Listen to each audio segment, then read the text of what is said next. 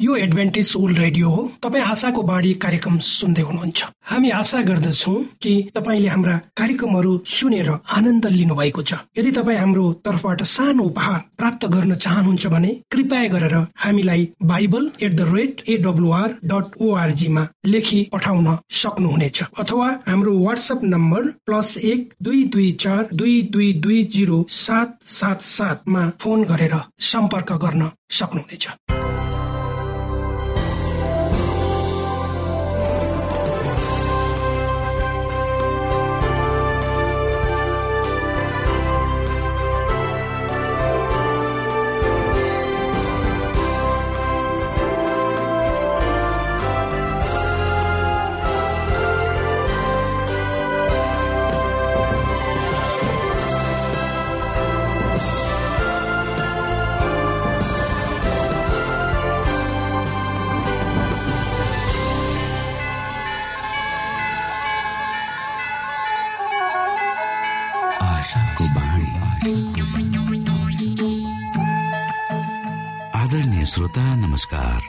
समय तपाईँ Adventist world रेडियोको प्रस्तुति भोइस अफ होप आशाको बाणी कार्यक्रम सुन्दै हुनुहुन्छ। कार्यक्रम प्रस्तुता म रवि यो समय तपाईँको साथमा छु। तपाईँकै आफ्नै प्रिय कार्यक्रम आशाको बाणीमा यहाँलाई हामी न्यानो स्वागत गर्दछौ। आउनु श्रोता यो मधुर भजनसँगै हामी हाम्रो मुख्य कार्यक्रम तर्फ लागौं।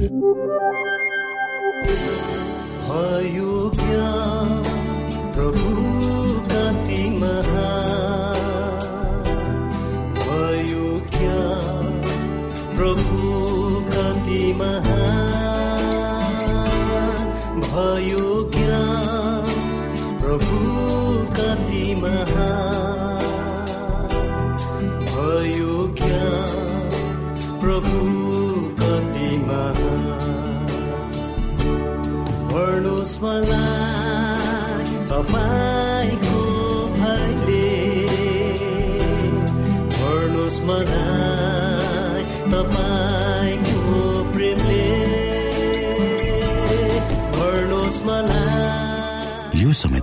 एडभेन्टिस्ट ओल्ड रेडियोको प्रस्तुति भोइस अफ होप। आशाको बाणी कार्यक्रम सुन्दै हुनुहुन्छ। तपाईँ आशाको बाणी कार्यक्रम सुन्दै हुनुहुन्छ। हामी आशा गर्दछौ कि तपाईँले हाम्रा कार्यक्रमहरू सुनेर आनन्द लिनुभएको छ। यदि तपाईँ हाम्रो तर्फबाट सानो उपहार प्राप्त गर्न चाहनुहुन्छ भने कृपया गरेर हामीलाई Bible at the rate AWR dot ओआरजीमा लेखी पठाउन सक्नुहुनेछ। अथवा हाम्रो वाट्सएप नम्बर प्लस एक दुई दुई चार दुई दुई दुई जिरो सात सात सातमा फोन गरेर सम्पर्क गर्न सक्नुहुनेछ। श्रोता मित्र यो समय हामी पास्टर उमेश पोखरेलबाट आजको बाइबल सन्देश सुन्नेछौ। श्रोता साथी न्यानो अभिवादन साथ म तपाईँको आफ्नै आफन्त अर्थात् पास्टर उमेश पोखरेल परमेश्वरको वचन लिएर यो रेडियो कार्यक्रमद्वारा तपाईँको बीचमा पुनः उपस्थित भएको छु। श्रोता मलाई आशा छ तपाईँका आफ्ना जीवनहरू ठिकठाक रूपमा परमेश्वरको अगुवाईमा बढ्दैछन्। आउनुहोस् तपाईँ हामी केही समय परमेश्वर सँगसँगै बिताउँ। आजको प्रस्तुतिलाई पस गर्नुभन्दा पहिले म परमेश्वरमा अगुवाईको लागि बिन्ती राख्नेछु। जीवित जिउँदो महान दयालु परमेश्वर प्रभु हामी धन्यवादी छौँ यो जीवन र जीवनमा दिनुभएका प्रशस्त आशिषका लागि। यो रेडियो कार्यक्रमलाई म तपाईँको हातमा राख्दछु। यसलाई तपाईँको राज्य र महिमाको प्रचारको खातिर यो देश र सारा संसारमा तपाईँले पुर्याउनुहोस् ताकि धेरै मानिसहरूले तपाईँको ज्योतिलाई देख्न सक्छ सबै बिन्ती प्रभु यीशुको नाम। आमेन। श्रोत साथी आजको प्रस्तुतिमा पनि म प्रभु यीशु क्रिस जब संसारमा हुनुहुन्थ्यो उहाँले जुन शिक्षा दिनुभयो त्यही शिक्षाको लाई आधार मानेर म अगाडि बढाउँछु। यसमा आजको प्रस्तुतिलाई मैले पवित्र धर्मशास्त्र बाइबलको लुका भन्ने पुस्तकको अठार अध्यायको नौदेखि चौध पदलाई लिएको छु। यसो भनिएको छ फरिसी र कर उठाउनेहरूको दृष्टान्त आफैमाथि भरोसा राख्नेहरू र आफैलाई धर्मी ठानी अरूहरूलाई तुच्छ ठान्नेहरू कसै कसैलाई उहाँले दृष्टान्त सुनाउनु भयो दुईजना मानिसहरू प्रार्थना गर्न मन्दिरमा गए। एकजना फरिसी अर्को चाहिँ कर उठाउने। फरिसीले उभिएर मनमा नै यसरी प्रार्थना गरौँ हे परमेश्वर म तपाईँलाई धन्यवाद दिन्छु। म अरू मानिसको जस्तो धुता अन्यायी व्यविचारी अथवा यही कर उठाउने जस्तो पनि छैन। तर म हप्तामा दुईपल्ट उपवास गर्छु। मैले पाएका सबै थोकको दशांशमा दिन्छु। तर कर उठाउने चाहिँ टाढै उभिएर स्वर्गतिर आँखा पनि नउठा यसो भन्दै आफ्नो छाती पिट्यो। हे परमेश्वर म पापीमाथि दया म तिमीहरूलाई भन्दछु यो चाहिँ मानिस त्यस अर्को भन्दा धर्मी ठहरिएर आफ्नो घरतिर फर्ला किनभने हरेक जसले आफूलाई उच्च पार्दछ त्यो उच्चाइन्छ तर जसले आफूलाई होच्याउँछ त्यो उच्च पारिन्छ श्रोत साथी हामी सबै पापी छौँ। कुनै न यदि तपाईँ र मैले म धर्मी छु म सबै कुरामा ठिकठाक छु भनेर सोध्छौँ भने त्यसले तपाईँ र मलाई हाम्रो आत्मिक जीवनको सबभन्दा नराम्रो अवस्थामा लान्छ। हो आफैमाथि भरोसा राख्नेहरू आफैलाई धर्मी ठाने अरूलाई तुच्छ ठान्नेहरू कसै कसैलाई क्रिसले एक फरिसी र कर उठाउनेको दृष्टान्त सुनाउनु भयो वा तिनीहरूसँग तुलना गर्नुभयो। फरिसीले यसरी आफू मन्दिर जानुपर्ने कारण आफूलाई एक क्षमा पाउनुपर्ने पापीको रूपमा अनुभव गरेको कारण नभई स्वयं आफैलाई धर्मी ठान्दै तारिफ पाउने आशा उसले लिएको थियो। उसले आफ्नो उपासनालाई स्वयं आफैलाई परमेश्वरमा सिफारिस गर्न गर्ने योग्यताको रूपमा लिएको थियो। यसको अलावा यसले मानिसहरूका मनमा उसको धार्मिकताको बारेमा उच्च अभिप्राय प्रकट गर्नेछ। उसले परमेश्वर र मानिस दुवै पक्षबाट निगा पाउने अपेक्षा राखेको थियो। उसको प्रार्थना स्वार्थीपन्नाद्वारा भरिएको थियो। ऊ आत्मा प्रशंसाद्वारा भरिपूर्ण थियो। ऊ आफ्नो यही स्वभाव तर्फ नजर लगाउँछ यसैमा हिँड्छ र यसैमा गुणगान गाउँ गर्छ। यस प्रकार अन्य मानिसहरूदेखि अलग्गिएर ऊ यसो भन्छ। पर जा मेरो नजिक नआइछ किनकि म तेरो निम्ति अति पवित्र छु। ऊ उभिएरै मनमा नै प्रार्थना गर्छ पूर्ण रूपले आत्मसन्तुष्ट बन्न पुगेका कारण परमेश्वर तथा अन्य मानिसहरूले पनि उसको बारेमा यही भावना अगालेको हुनुपर्छ भने उसले विचार लिन्छ। ऊ भन्छ हे परमेश्वर म तपाईँलाई धन्यवाद दिन्छु। म अरू मानिसहरू जस्तो दुधा अन्यायी व्यविचारी अथवा यही कर उठाउने जस्तो पनि छैन। उसले आफ्नो चरित्रलाई परमेश्वरको चरित्रद्वारा होइन तर अन्य मानिसका चरित्रद्वारा फैसला गर्ने गर्दछ। उसको मन परमेश्वरदेखि बहकिएर मानिसतर्फ झुक्न पुगेको छ। यही नै उसको आत्मसन्तुष्टिको रहस्य बन्यो। ऊ आफ्ना असल कार्यहरूका बारेमा बयान गर्न थाल्छ। म हप्तामा दुई पटक उपवास बस्छु। मैले पाएका सबै थोकको दशांशमा दिन्छु। हरिषीको धर्मले आत्मा छुन सक्दैन उसले ईश्वर तुल्य चरित्र प्रेम र दयाले भरिपूर्ण हृदयको खोजी गरेको पनि छैन। ऊ केवल बाह्य जीवनसित सरोकार राख्ने धर्मप्रति मात्र सन्तुष्ट छ। उसको धार्मिकता स्वयं आफै आफ्नै मात्र हो जुन स्वयं आफ्नै कार्यहरूका फल हुन् र मानव स्तरद्वारा नै फैसला गरिन्छ। स्वयं आफैलाई धर्मी भएको रूपमा दावी गर्ने मानिसहरूले अरूलाई तुच्छ ठान्ने गर्छन्। जसरी फरिसीले स्वयं आफैलाई अरूसित दाँचेर फैसला गर्ने गर्दछ। त्यसरी नै यस्ता व्यक्तिले पनि अरूलाई स्वयं आफैसित दाँजेर फैसला गर्ने गर्दछ। तिनीहरूका धार्मिकताद्वारा। उसको धार्मिकताको अड्कल गरिन्छ र तिनीहरू अति जति नै बढी मात्रामा दुष्ट बन्न पुग्छन्। त्यसको विपरीत ऊ झन् बढी धर्मी देखा पर्छ उसको धार्मिकताले दोषारोपणतर्फ डोर्याउँछ। अरू मानिसहरूलाई ऊ परमेश्वरको आज्ञा उल्लङ्घनकर्ताको रूपमा निन्दा गर्ने गर्दछ। यसरी नै यसरी ऊ सैद्धान्तिक स्वभाव प्रकट गर्ने गर्दछ जो भाइहरूलाई दोष लगाउने वाला हो। यस्तो धारणा गर्ने व्यक्ति परमेश्वर सम्पर्कमा आउनु असम्भव छ। ईश्वरीय आशिषदेखि वञ्चित हुँदै ऊ आफ्नो घरतर्फ जान्छ। कर उठाउने व्यक्ति अन्य सबै प्रार्थना गर्ने मानिसहरूको साथ मन्दिर गएको थियो। तर तिनीहरूका प्रार्थनामा सामेल हुन अयोग्य ठानेर ऊ तुरन्त तिनीहरूबाट अलग भयो। उसले टाढै उभिएर तितो वेदना र आत्मघृणाको भावनाका साथ स्वर्गतिर आँखा पनि नउठाई आफ्नो छाती पिट्यो उसले आफूले परमेश्वरको विरुद्धमा पाप गरेको रूपमा तथा आफू पापी र भ्रष्ट भएको रूपमा महसुस गरे। उसले आफू वरिपरि भएका मानिसहरूबाट दयाको समेत आशा गर्न सकेन। किनकि तिनीहरू घृणा उसलाई घृणा पनि गर्ने गर्दथे। उसलाई यो थाहा थियो कि परमेश्वरमा योग्य सिफारिस गरिनका निम्ति उसँग कुनै त्यस्तो गुण थिएन। र पूर्ण निराशाका साथ उसले यसरी पुकार्यो हे परमेश्वर म पापीलाई दया गर्नुहोस्। उसले स्वयं आफूलाई अन्य कुनै व्यक्तिसित तुलना गरेन। दोषी भावनाको बोझद्वारा दबिएको अवस्थामा ऊ एक्लै परमेश्वरको उपस्थितिमा खडा थियो। उसको एकमात्र इच्छा भन्नु नै क्षमा र शान्ति थियो। उसको एकमात्र चिन्ता भन्नु नै परमेश्वरदेखि दया प्राप्त गर्नु थियो। उसले आशिष प्राप्त गर्यो। क्रिसले भन्नुभयो म तिमीहरूलाई भन्दछु। यो चाहिँ मानिस त्यस मानिस अर्को मानिसभन्दा धर्मी ठहरिएर आफ्नो घरतिर फरेसी र कर उठाउने वालाहरूले परमेश्वरको उपासना गर्ने आउने मानिसहरूका दुई प्रमुख वर्गलाई प्रतिनिधित्व गर्दछ। ती दुई वर्गका मानिसहरू यस संसारमा जन्मिएका प्रथम ती दुई सन्तानहरूमा भेटिन्छ।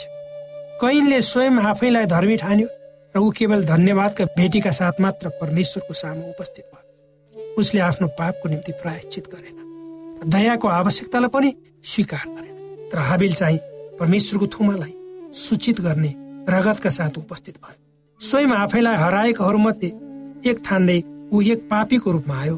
उसको एकमात्र आशा भन्नु नै परमेश्वरको सित्तेको प्रेम थियो। परमप्रभुले तिनको भेटी ग्रहण गर्नुभयो। र कैनलाई तथा उसको भेटीलाई ग्रहण गर्नु भएन? खाँचोको भावना आफ्नो दरिद्रता र पापलाई चिन्न सक्नु नै परमेश्वरदेखि मान्यता प्राप्त गर्न सकिने प्रथम शर्त हो। धन्य आत्मामा दिन हुनेहरू किनभने स्वरको राज्य तिनीहरूको हो भनेर पवित्र धर्मशास्त्र बाइबलको मत्ती पाँच अध्यायको तीन पदमा भनिएको छ। श्रोत साथी फरिसी र कर उठाउनेहरूले प्रतिनिधित्व गर्ने दुई वर्गका निम्ति प्रेरित पुस्तकको जीवनको इतिहास एक पाठ छ। आफ्नो चेलापनको प्रारम्भतिर पत्रुसले स्वयं आफैलाई दृढ ठानेको थियो। फरिसी जस्तै स्वयं आफ्नै अनुमानमा ऊ अरू मानिसहरू जस्तो थिएन। जब क्रिसले आफ्नो विश्वासघातको साँझमा उहाँका चेलाहरूलाई यसरी पूर्व चेतना अनि दिनु आज राति तिमीहरू सबैले मेरो कारणले गर्दा ठेस खानेछु। तब पत्रुसले निर्धकता साथ यसरी घोषणा गर्यो सबैले ठेस खाए तापनि म चाहिँ खाने छैन पत्रुस स्वयं आफ्नै खतराको विषयमा अनभिज्ञ थियो। आत्मविश्वासले उसलाई धोका दियो। उसले स्वयं आफैलाई परीक्षाको सामना गर्न सक्षम ठाने। तर जब केही पलभरिमै परीक्षा आइलाग्यो उसमा उसले शराब्दै तथा क्रिया खाँदै आफ्नै प्रभुलाई इन्कार गर्यो। जब भाले बाँच्ने क्रमले उसलाई क्रिस्टका वचनको स्मरण गरायो तब आफूले भर्खरै गरेको कार्यप्रति आश्चर्य मान्दै उस्तब्ध हुँदै आफ्नो गुरुतर्फ नजर लगायो। त्यस फल पल क्रिस्टले पत्रुतर्फ हेर्नुभयो। त्यस शोकाकुल हेराइमा उसको निम्ति करुणा र प्रेम झल्कन्थ्यो।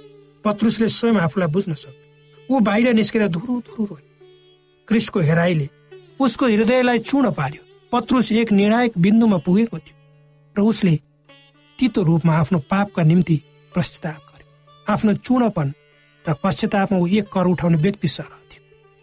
र एक कर उठाउनेले चाहिँ उसले पनि दया प्राप्त गर्यो। क्रिस्टको हेराइले उसको मनमा क्षमाको आश्वासन प्रदान अहिले पत्रुसको आत्मसम्मानको भावना अहिले पत्रुसको आत्मसम्मानको भावना हटिसकेको थियो। पुराना अहङ्कारी वचनहरू पुनः कदापि उबर दोहोरिएन क्रिसले आफ्नो पुनः उत्थान पश्चात तीन पटक पत्रुसको जाँच लिनुभयो। उहाँले भन्नुभयो यहुन्नाका छोरा सिमोन के तिमी मलाई यिनीहरूभन्दा बढी प्रेम गर्दछु पत्रुसले अब आफ्ना भाइहरूका तुलनामा स्वयं आफै प्रशंसा अधिक गरेनन्। उनले आफ्नो हृदय पढ्न सक्नुहुने क्रिस्टमा नै बिन्ती गरे। उनले भने प्रभु तपाईँ सब कुरा जान्नुहुन्छ। म तपाईँलाई माया गर्दछु भने तपाईँलाई थाहा छ। तपाईँ पत्रुसले आफ्नो उत्तरदायित्व प्राप्त गरे। उनलाई तिनलाई यसअघि नियुक्त नगरिएको अझ वृष्टि तथा संवेदनशील कार्य तोक्यो। क्रिस्ट तिनलाई भेडाहरू र पाठाहरूलाई खुवाउने आज्ञा दिनुभयो। यस प्रकार जुन मानिसहरूका निम्ति मुक्तिदाताले आफ्नो जीवन बलिदान स्वरूप दिनुभएको थियो ती मानिसहरूलाई उनको व्यवस्थामा सुम्पर्ने क्रम मार्फत क्रिस्टले पत्रुसलाई आफ्नो पुनर्स्थापनामाथि भरोसाको सबैभन्दा मजबुत प्रमाण दिनु। कुनै समय व्याकुल घमन्दी र आत्मविश्वासले भरिपूर्ण चेला अब कोमल तथा चूर्ण बन्न पुगेको थियो। यस उपरान्त उनले आफ्नो घमण्डलाई आत्म त्याग र आत्म बलिदानका साथ पछ्याउन थाले। उनी क्रिस्टले भोग्नुभएका कष्टहरूका भागीदार थिए र जब क्रिस्ट आफ्नो महिमाको सिंहासनमा विराजमान हुनुहुनेछ। तब पत्रुस पनि उहाँको महिमाको भागीदार बन्नेछ यी वचनहरूले तपाईँलाई परमेश्वरमा अगाडि बढ्नको लागि आशिष दिउन्।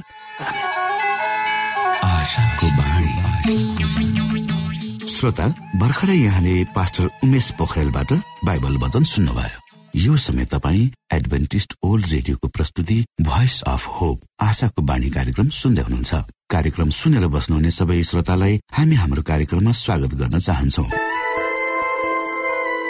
श्रोता मित्र यदि तपाईँ जीवनदेखि हरेस खानु भएको छ तपाईँका जीवनमा धेरै अनुत्तरित प्रश्नहरू छन् भने आउनुहोस् हामी तपाईँलाई परमेश्वरको ज्योतिमा डोहोऱ्याउन चाहन्छौ र तपाईँ आफ्नो जीवनका चिन्ता फिक्रीबाट निश्चिन्त हुनुहोस् र बाँच्नुको आनन्द परमेश्वरको सामिप्यमा कति मिठो हुन्छ त्यो चाख्नुहोस् भनी हामी चाहन्छौँ। श्रोता यदि तपाईँ आशाको बाणी कार्यक्रमलाई अनलाइन सुन्न चाहनुहुन्छ वा डाउनलोड गर्न चाहनुहुन्छ भने डट ओआरजीमा जानुहोस्। त्यहाँ तपाईँले प्रत्येक दिनको कार्यक्रम सुन्न र डाउनलोड गर्न सक्नुहुनेछ। हाम्रो वेब पेज यस प्रकार छ www.awr.org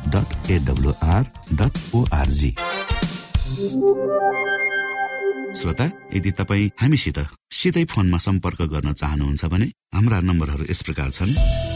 अन्ठानब्बे एकसाठी पचपन्न शून्य एक सय बिस।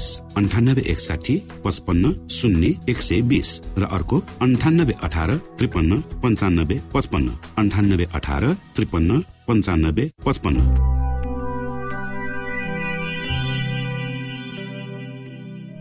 यो एडभेन्टिज ओल्ड रेडियो हो। तपाईँ आशाको बाणी कार्यक्रम सुन्दै हुनुहुन्छ। यस सम्बन्धी थप जानकारीको लागि कृपया गरेर हामीलाई सम्पर्क राख्न सक्नुहुनेछ। हाम्रो इमेलको ठेगाना Bible at the rate AWR dot ORG अर्थात् B I B L E at AWR dot ORG हो। तपाईँ हामीलाई हाम्रो वाट्सएप नम्बर प्लस एक दुई दुई चार दुई दुई दुई जिरो सात सात सातमा पनि कल गरेर सम्पर्क राख्न सक्नुहुनेछ। अर्थात् प्लस एक दुई दुई चार दुई दुई दुई जिरो सात सात सात। यो आशाको बाणी रेडियो कार्यक्रम हो। म धनलाल राई यहाँहरूलाई यस कार्यक्रममा न्यानो स्वागत गर्दछु। श्रोता आज म तपाईँको बीचमा बाइबल सन्देश लिएर आएको छु। आजको बाइबल सन्देशको शीर्षक रहेको छ इन्साफ सृष्टि र दिनुपर्ने लेखा।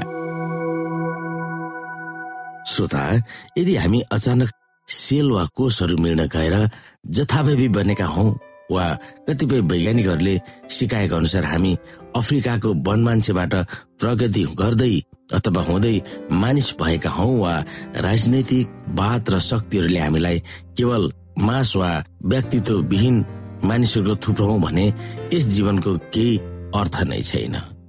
यदि हामी केवल खरबौं मानिसहरूको बीचमा कस्सा कस्सी गरेर केवल बाँच्नका निम्ति यस पृथ्वी भन्ने ग्रहमा बाँचिरहेका छौँ भने हामी बाँच्नुको लक्ष्य गुमाउँछौ।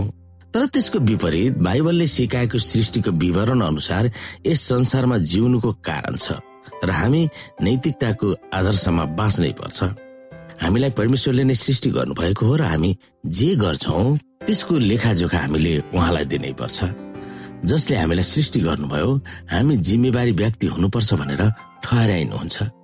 मानव जीवनको गरिमालाई कायम राख्न उहाँले मूल्य मान्यता र नीतिहरू स्थापना गर्नुभएको छ। यस संसारले नैतिकता भनेको तरलता वा समय सापेक्षता अनुसार लचक हुनुपर्छ भनेर सिकाउँछ तर परमेश्वरको नीतिमा त्यो अमान्य छ। आउनु श्रोता हामी केही बाइबलीय पदहरू हेरौँ जहाँ कि प्रकाश चौध अध्यायलाई पनि हामी हेर्न सक्छौ यहाँनिर। ती पदहरूमा मानिसको उत्तरदायित्व के छ र उसले आफ्नो जीवनको लेखाजोखा इन्साफको दिनमा कसरी दिनुपर्छ भनेर उल्लेख गरेका छन्। परमेश्वरको इन्साफ दश आज्ञाहरू र उहाँको आराधना एक आपसमा ती पदहरूमा कसरी बुनिएका छन्? आउनु श्रोता हामी हेरौँ। तिनले चर्को स्वरमा भने परमेश्वरसँग डराव र उहाँलाई महिमा देऊ किनकि उहाँका इन्साफको घडी आएको छ। स्वर्ग पृथ्वी समुद्र र पानीका मूलहरू बनाउनु हुनेलाई दण्डवोध गर। र यसै गरी हामी रोमीको पुस्तकलाई पनि हेरौँ। रोमीको पुस्तक चौध अध्यायको दसलाई तिमी किन आफ्नो भाइको इन्साफ गर्छौ अथवा तिमी आफ्नो भाइलाई किन तुच्छ ठान्छौ? किनभने हामी सबै परमेश्वरका न्याय आसनको सामान्य खडा हुनेछौ। किनकि लेखिएको छ प्रभु भन्नुहुन्छ जस्तो म जीवित छु प्रत्येक घोडा मेरो सामान्य टेकिनेछ र हरेक जिब्रोले परमेश्वरको प्रशंसा गर्नेछ। यसैले हामी हरेकले परमेश्वरलाई आफ्नो लेखा दिनेछौ। यसै गरी हामी अर्को पद पनि हेर्न सक्छौ यहाँनिर याकुब दुई अध्यायलाई। हामी याकुब दुई अध्यायको आठदेखि हेरौँ यदि आफ्ना छिमेकीलाई आफूलाई झै प्रेम गर भन्ने पवित्र धर्मशास्त्रको राजकीय व्यवस्थालाई साँच्चै पूरा गर्दछौ भने त असलै गर्दछौ। यदि तिमीहरूले भेदभाव देखाऊ भने त तिमीहरू पाप गर्दछौ र व्यवस्थाद्वारा अपराधी ठहरिन्छौ। किनकि जसले सम्पूर्ण व्यवस्था पालन गर्छ तर एउटै कुरामा चुक्छ भने व्यवस्थाका सबै कुरामा त्यो दोषी ठहरिएको हुन्छ। किनकि जसले व्यविचार नगर भन्नुभयो उहाँले हत्या नगर पनि भन्नुभयो। तसर्थ यदि तिमीले व्यविचार गर्दैनौ तर हत्या गर्दछौ भने तिमी व्यवस्थाका अपराधी भएका छौ। यसकारण तिमीहरूको बोली र व्यवहार स्वतन्त्रताको व्यवस्था बमोजिम न्याय पाउनेहरूका जस्तै होस् किनकि जुन मानिसले कृपा गरेको छैन त्यसको न्याय कृपा बिना नै हुन्छ। कृपा न्यायमाथि विजय हुन्छ। श्रोता आकाशको बीचमा तीन स्वर्गदूतहरू उड्दै दिएको प्रकाश चौधको सन्देशले परमेश्वरको इन्साफ आइसकेको छ भनेर घोषणा गरेको छ। प्रकाश चौधको साथमा हामीमा नैतिक निर्णय गर्ने क्षमता सहित परमेश्वरले हामीलाई सृष्टि गर्नु भएकोले यस जीवनमा प्रत्येक निर्णय हामी गर्छौ त्यसको जिम्मेवारी हामी नै हुन्छौँ। यदि हामी जथाभावी कोषहरू जम्मा भएर अचानक बनिएका हौ वंश अनुसार मात्र जन्मिएका हौ र वातावरणकै कारणले यस संसारमा फुट्ट निस्किएका हौ भने हाम्रो निर्णयमाथि अर्कै शक्तिले परिचालन गरिरहेको हुन्छ जसमा हाम्रो नियन्त्रण नै हुँदैन। तर परमेश्वरले गर्नुहुने इन्साफमा हाम्रो नैतिक जिम्मेवारीको सवाल हुन्छ। अहिलेको पृथ्वीको इतिहासको संकटको घडीमा परमेश्वरले इन्साफ गरिरहनु भएको छ। हामीले जे निर्णय गर्छौँ त्यसले अनन्त जीवनलाई साँची राखेर गर्नुपर्छ। पहिलो स्वर्गदूतको निर्णायक अपिल हो स्वर्ग वा आकाश वा नक्षत्र र पृथ्वी समुद्र र पानीका मुहानहरू बनाउनु हुने परमेश्वरको प्रणाम गर वा आराधना गर। हामीले आराधना गर्नुपर्ने सबै आधार नै हामीलाई परमेश्वरले सृष्टि गर्नुभएको भन्ने आस्था वा विश्वासमा छ। फेरि त्यसै बखत हप्ताको सातौं दिन सावतको पालना गर्नुपर्ने विश्वासले यसो ख्रिस सृष्टिकर्ताको रूपमा आराधनाको योग्य छ भनेर प्रमाणित गरिरहेको हुन्छ। दश आज्ञालाई हामीले स्वीकार्दा हामी यस संसारमा बाँच्न परमेश्वरले नै आदर्श नीतिहरू दिनुभएको छ र त्यस अनुसार चल्न प्रत्येक मानिसको नैतिक कर्तव्य हो भन्ने मागलाई सबैले आत्मसात गर्नुपर्छ। यस नीतिलाई आंशिक रूपमा होइन पुरै पालन गर्नुपर्छ भनेर बाइबलले अपेक्षा गर्दछ। दश आज्ञा परमेश्वरको राज्य शासनको चौक हो र उहाँको चरित्रको प्रकट हो। यो नै हाम्रो इन्साफको मापदण्ड हो। साबत आज्ञाप्रति वफादार भएर पालना गर्दा हामी आज्ञाकारी जीवन बिताउन समर्पित भइरहेका छौँ भनेर प्रमाणित गरिरहेको हुन्छौ। हाम्रो दैनिक जीवनको सेरोफेरोलाई सृष्टिको शिक्षाले हामीलाई कसरी प्रभावित पार्दछ? हामीले दैनिक गर्ने निर्णयमा वातावरण र वंशसँग के सम्बन्ध छ? हामीले नचुनेको तर हामीमा भएको चरित्रका खोटहरू परमेश्वरको अनुग्रहले कसरी मेट्न सक्छ? त्यो विषयमा हामी सोच्न सक्दछौँ।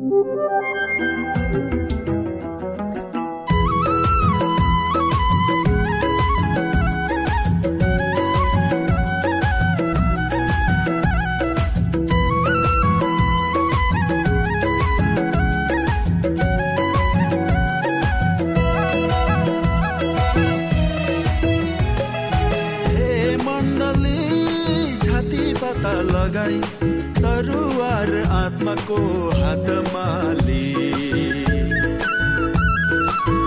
उठौँ उठौँ शत्रुसँग लडाइँ गर्नला हे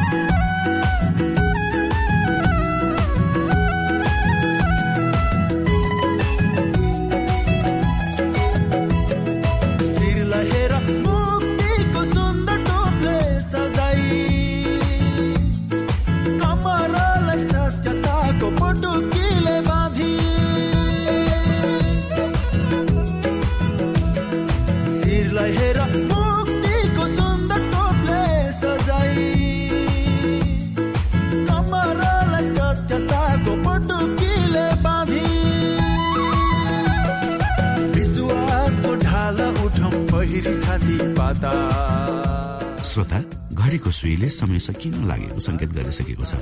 हवस् त श्रोता हाम्रो कार्यक्रम सुनिदिनु भएकोमा एकचोटि फेरि यहाँलाई धन्यवाद दिँदै भोलि फेरि यही स्टेशन र यही समयमा भेट्ने बाजा गर्दै प्राविधिक साथी राजेश पास्टर उमेश पोखरेल र कार्यक्रम प्रस्तुता म रवि यहाँसँग विदा माग्दछौ। परमेश्वरले तपाईँलाई धेरै धेरै आशिष दिनुभएको होस्। नमस्कार।